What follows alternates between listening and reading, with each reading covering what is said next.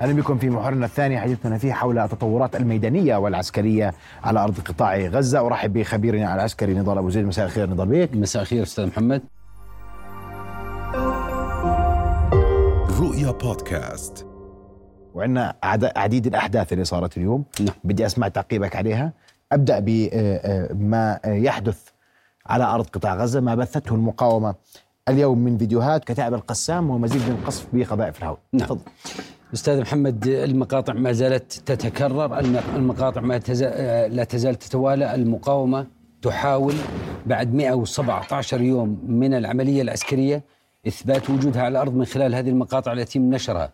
تريد تعزيز آه، أن خسائر قوات الاحتلال ترتفع المقاومة تريد بث المزيد من المقاطع في الفترة التي يتسارع فيها المسار السياسي. هي تريد إعطاء إشارة للشارع الإسرائيلي في توغلات في شمال قطاع غزة الآن من بعد؟ بعد إعلان قوات الاحتلال السيطرة على شمال قطاع غزة وبعد إعلان وزير الدفاع الإسرائيلي أن العمليات توقفت في شمال قطاع غزة وسحب جزء جزء كبير من القوات على رأس الفرقه المدرعة 36 من شمال قطاع غزة وبقيت الفرقه المدرعة 162 الآن نرى أن المقاومة انفتحت بقطاعاتها في شمال قطاع غزة عناصر المقاومة اليوم تقاتل في بيت لاهية اليوم تقاتل في آه، قلب مدينة غزة. حدث عمليات اليوم في باب الهوى وبالتالي هذه في تل الهوى وهذه المقاطع التي بثت اليوم بثت من شمال قطاع غزة. بالتالي هذه تكذب الرواية الإسرائيلية وتكذب تقييمات بعض المحللين الإسرائيليين الذي يقولون أن الم- المنطقة الشمالية من قطاع غزة تم السيطرة عليها وسيتم التحول في العمليات إلى المنطقة الوسطى والمنطقة الجنوبية. هنا لا أتكلم عن عاطفة ولا أتكلم إلا بالحقائق والوقائع عندما نرى أن بعد 717 يوم من القتال لا تزال المقاومة تقاتل, تقاتل كما تظهر في هذه المقاطع من شمال قطاع غزة. وترمي مدافع الهاون على تجمعات وحشود قوات الاحتلال في شمال قطاع غزة. إذا هذا تكذيب للرواية الإسرائيلية بالكامل عن السيطرة أو عن تحقيق إنجاز في شمال قطاع غزة. وبالمناسبة عندما نرى مثل هذه المقاطع مدافع الهون من أين جاءت؟ المقاومين من أين جاءوا؟ آه، آه، حشود قوات الاحتلال التي تضرب في شمال قطاع غزة بعد الإعلان عن توقف العمليات في شمال قطاع غزة. هذا إنجاز جديد يسجل طيب. للمقاومة. محاور التقدم وسط القطاع كان هناك فيديو أيضا لسرايا القدس. نعم. وذات الأمر مدافع الهون. وتكثيف لاستخدام مدافع الهون. هذا سؤال ليش؟ مدافع الهون هي مؤثرة بشكل كبير على تجمعات قوات الاحتلال. تجمعات البشرية آه، المدافع الهون مؤثرة آه، فيها. السبب الآخر أن استخدام مدافع الهون يعطي ميزة للمقاومة بما يعرف بالكفر كونسيلمنت التخفية والتستر. لأن مدفع الهون لا يحتاج إلى ظهوره يستطيع أن يرمي من وراء جدار كما تكلمنا من نبض البلد عدة مرات. يستطيع أن يرمي من داخل نفق. لأن رمايته قوسية وبالتالي لا يحتاج إلى جهد كبير لتخفية وتستر هذه المدافع. يكفي فقط وضعها كما يظهر في هذه المقاطع. تحت مناطق شجرية حتى فقط يتم تغطيتها من الطيران المسير الكثيف الذي يعمل وبدأ يعمل مؤخرا في شمال قطاع غزة. وبالتالي هو سهل الحمل سهل الاستخدام يحتاج إلى نقطتين اتجاه ومسافة فقط. وبالتالي تستطيع تحقيق نجاحات بقوات العدو. بمعنى أنا أقصد أنه لا يحتاج إلى مقاوم يقترب من حشود العدو أو من آليات العدو فقط يكفي الحصول على اتجاهات العدو مسافة العدو واستخدام الهاون وبالمناسبة في هذه المقاطع استخدمت جميع أعيرة الهاون الموجودة. الهاون 81 ملم مستخدم هذا الهاون القصير هو 31 ملم واستخدم الهاون 91 ملم مدافع الهاون أستاذ محمد في العرف العسكري تعرف من مدافع أو من من أسلحة ال mortar. من مدافع الإسناد من أسلحة الإسناد. بالتالي استخدامها بكثافة يعطي مؤشر على أن المقاومة تتمتع بقابلية حركة جيدة في المناطق الشمالية من قطاع غزة وليس كما يتكلم الاحتلال ومصادر الإعلامية للاحتلال بأن شمال قطاع غزة تم السيطرة عليه. اليوم تم الإعلان وبوضوح ومن قبل قوات الاحتلال عن مقتل ضباط اثنين في شمال قطاع غزة. واحد هؤلاء الضباط من وحدة شلداغ ووحدة شلداغ هي من وحدات الاستخبارات عاليه. التدريب وعالية التجهيز من وحدات الاستخبارات التي تعمل استطلاع داخل قطاعات آه، خلف خطوط ال- ال- ال- المقاومة وبالتالي عندما يعلن الاحتلال عن مقتل ضباط اثنين أحدهم من هذه الوحدة المميزة ووحدة النخبة بالنسبة للاحتلال أعتقد أن هذه نقطه تسجل للمقاومة وتسجل على قوات الاحتلال طيب آخر آه، آه، الفيديوهات وهو أيضا استهداف لآليات آه، عسكرية في قطاع غزة. هذا ال- ال- المقطع اليوم كان مقطع نوعي. بمعنى بنوعي؟ نوعي؟ عندما نرى في مقطع واحد ثلاث دبابات وجرافة هذا إنجاز كبير للمقاومة. عندما نرى دباب جرافة الدي 9 في هذا المقطع كيف استطاع المقاوم رصد هذه ال- ال- الدبابة؟ واقتناصها هذه الجرافة واقتناصها مباشرة. علما أن الاحتلال وتكلمنا من نبض البلد مؤخرا يعاني من نقص كبير في هذا النوع من الآليات. الدي 9 غاب كثيرا مؤخرا عن مسرح العمليات واستعيض عنه من قبل. الاحتلال بقيام بعمليات التفجير بالمتفجرات واستخدام عناصر الهندسة بدلا من استخدام الدي 9 وبالمناسبة جرافه عالية التكلفة. وتستطيع القيام بعمليات تدمير للأبنية ولتحصينات المقاومة إلا أن المقاومة لا تزال تنجح باستهداف هذه النوع من الجرافات وهذا من الأهداف التي تكلمنا عنه بالنبض البلد. هناك نوعين من الأهداف في العمليات العسكرية ال high value target وال high cost target أهداف عالية القيمة وأهداف عالية التكلفة.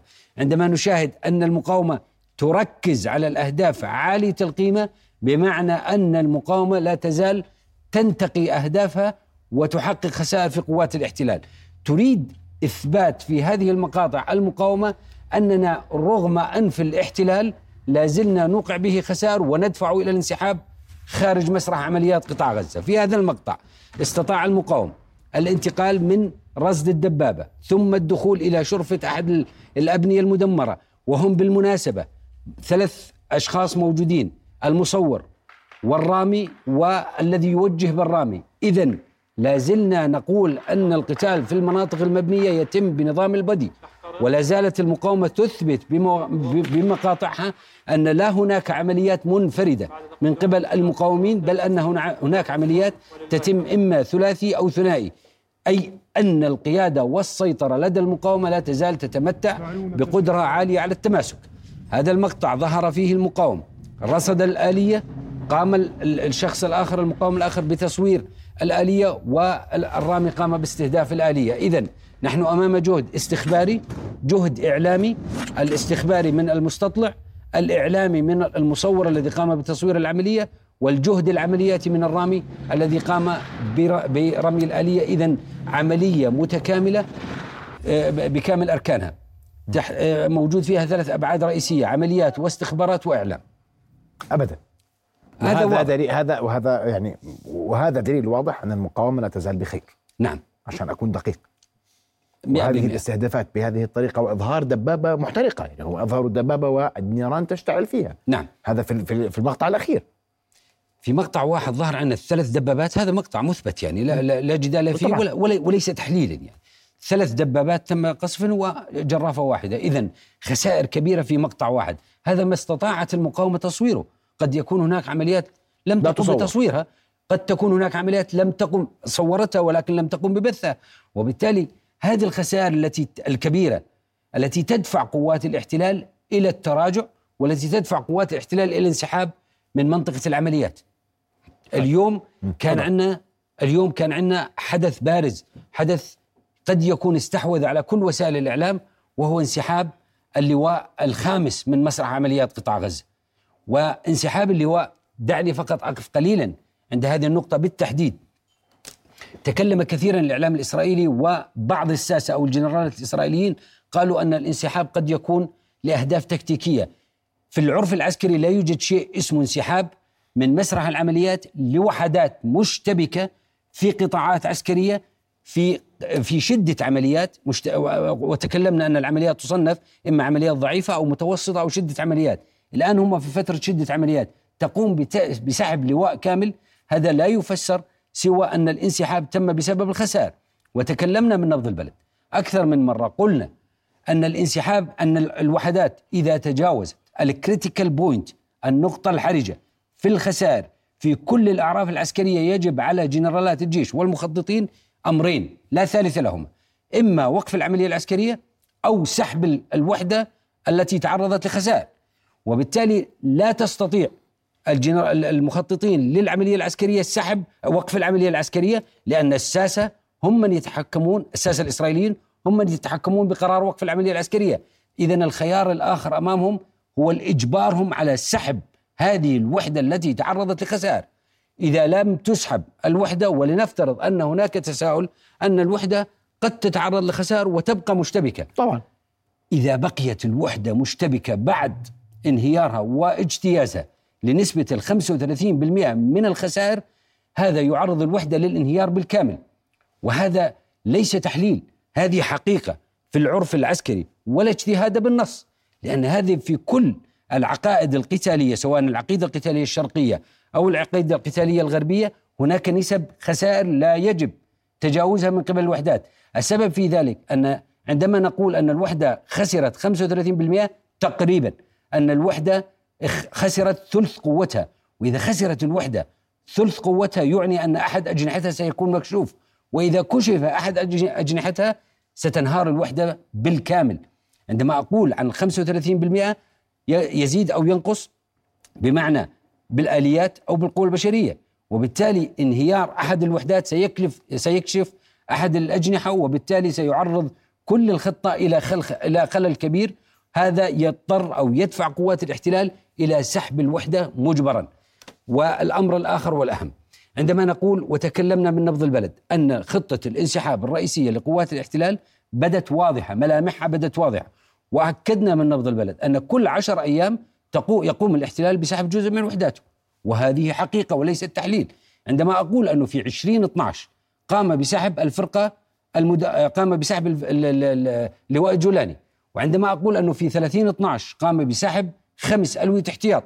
هذه كلها معلومات تم نشرها هيئة البث الإسرائيلي.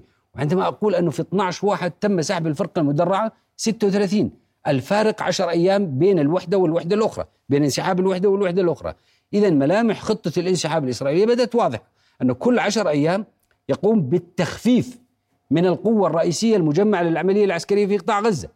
وبالتالي اليوم بعد أن سحب ب 12 واحد سحب اللواء سحب الفرق المدرعة 36 في 22 آه، واحد قام بسحب لواء كفير وقام بسحب لواء كرياتي وقام بسحب اللواء 55 وقام بسحب الكتيبة الهندسة 1707 هذا السحب الكبير للقوات توقعنا حينها أنه بعد عشر أيام يزيد أو ينقص سيتم سحب وحدة أخرى.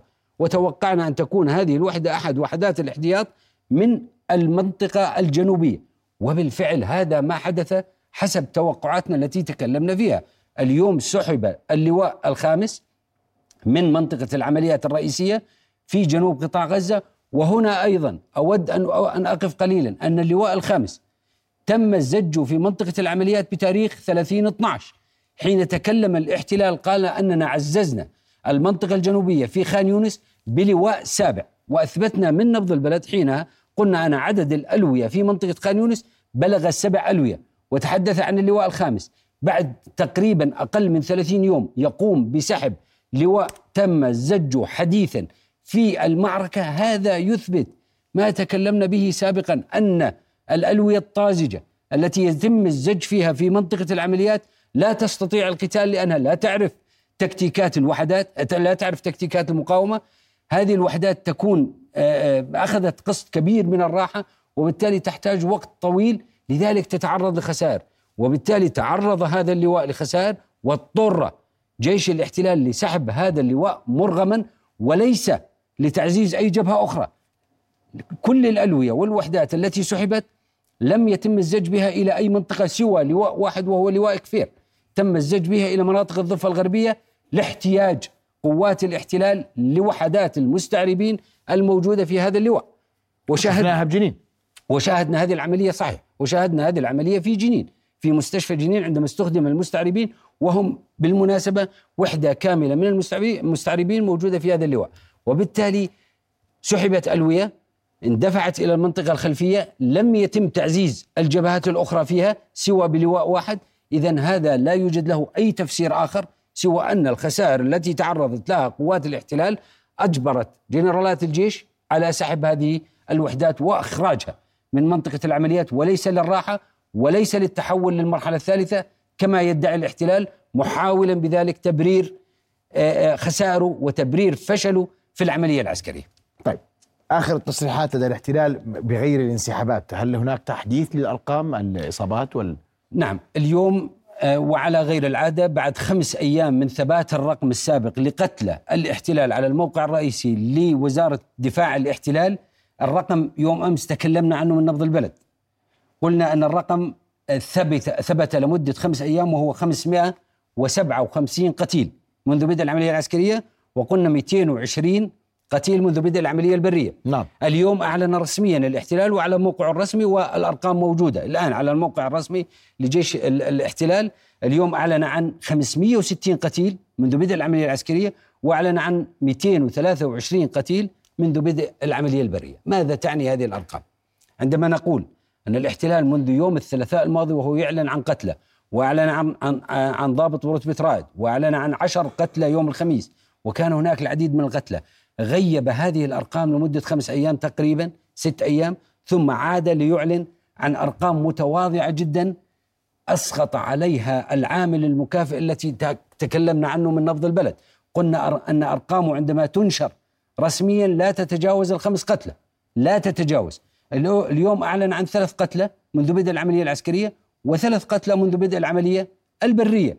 إذا لا يزال الاحتلال يكذب حتى في نشره للأرقام الرسمية وهذا مثبت هذه حقائق هذا ليس تحليل.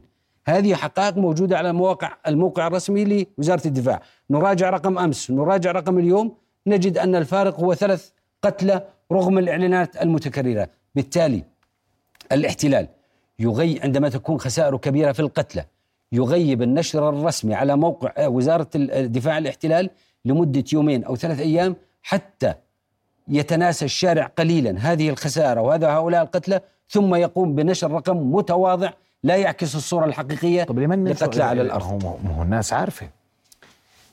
ما حدش اليوم قادر يخفي هاي الأرقام. نعم. صحيح؟ الآن اليوم أنت بتحكي لي أنه والله أعلن, أعلن عن قتلى هنا وقتلى هناك قتلى اليوم قتلى بكرة قتلى امبارح. يجمعها شارع الاحتلال وإعلام الاحتلال لا يصمت ولا آه، آه، يعني لا يستمع لحديث المؤسسة العسكرية دون أن يرد أو يعقب أو يبحث عن حقائق. سؤال جميل وكنت أتوقع هذا السؤال رغم كل ما يتم إعلانه. على كل المواقع يدعوت أحرانوت تتكلم عن أرقام معاريف تتكلم عن أرقام آه، آه، ولا تتكلم عن أرقام. كل هذه الأرقام رغم ذلك هي أرقام لا تزال منضبطة ولا تنشر أرقام إلا ما إلا تحت بند سمح بالنشر. وهذا ما ما يسمح به من قبل الاحتلال. الأرقام التي احرنوت أجبرت الاحتلال على الاعتراف بأرقام الاصابات أجبرته. أرقام الإصابات. أرقام الإصابات تنشر اليوم نشر أرقام الإصابات وكان عدد أرقام الإصابات يوم أمس 2797 اليوم نشر عن 2807 هو لا لا يهتم كثيرا على ما يبدو لا يهتم كثيرا لأرقام الإصابات. الرقم مش كثير ارتفاع. لا ارتفاعه لم, لم يتجاوز 11 إصابة. 11 إصابة. 11 إصابة. وهذا رقم يخالف كما تذكر أنت يعني ما ما, ما يتم إعلانه يوميا من أرقام. ويخالف ما يتم بثه من قبل المقاومة من مقاطع مصوره عندما نتكلم عن ثلاث دبابات اليوم بال بالمتوسط الحسابي لنفترض على أقل عدد أن أربعة فقط موجودين بالدبابة اذا نتكلم عن أربع نتكلم عن 12 بين قتيل وجريح لنفترض أن هناك جرح وليس قتل وأنا هذا تحديدا هذا الموضوع. إصابة الدبابة لا تعني إصابة من فيها. هكذا يحلل البعض. لذلك أنا أقول بين قتلى وجرح. قد يكون قتيل أو قد يكون جريح. ممكن ما ينصاب أصلا الدبابة يعني تتوقف عن العمل تعطى بالدبابة لا يمكن لا يمكن. ليش؟ لا يمكن أن تصاب الدبابة والطاقم الموجود داخلها. لا يجرح أو يقتل مستحيل. السبب في ذلك نتكلم عن قذيفة ترادفية تضرب دبابة من مثل المركافة ثنائية الدرع ولنفترض أن الحماية مطلقة فيها. ولا يتم إصابة ولا جندي داخل الدبابة هذا ضرب من الخيال. لا يمكن. إلا أبداً؟ أب لا يمكن. يعني هذا لا يفسر أن الدبابة في المقاطع التي نشاهدها والنار تشتعل في هذه الدبابات أن كل من فيها أو الطاقم الموجود فيها لم يجرح ولا ولا ولا واحد من هذا الطاقم هذا أعتقد أنه يعني ضرب من الخيال ولا يمكن. هذا إذا ما انفجرت القذائف أيضا الموجودة داخل الدبابة. ونتكلم عن 67 ما بين 67 إلى 70 قذيفة تكون في الدبابة بكون مختلف أنواعها قذائف الهش أو المدمر أو ما إلى ذلك وبالتالي هذا إذا ما انفجرت القذائف الموجودة داخل الدبابة وأحرقت كل من فيها لنفترض أن الدبابة خرجت دون انفجار القذائف الموجودة فيها. لا يمكن أن يخرج الطاقم بعد هذه القذائف الترادفية التي يضم يتم ضرب فيها الدبابة أو ناقلة الجنود أو الجرافات. الدينار رغم تحصينها العالي إلا أن إما يقتل أو يجرح أحد الطاقم الموجود داخل الدبابة. نعم. بدي أشكرك كل الشكر نضال بيك أبو زيد الخبير العسكري والاستراتيجي آه، آه، على وجودك معنا الليلة غدا نتحدث في الخرائط عن توزيع القوات والجبهة الشمالية أيضا آه، اللبنانية الفلسطينية وما يحدث هناك. وإذا ما كان هناك أي تصعيد متوقع في الأيام المقبلة. شكرا جزيلا. كل الشكر أستاذ محمد. رؤيا بودكاست.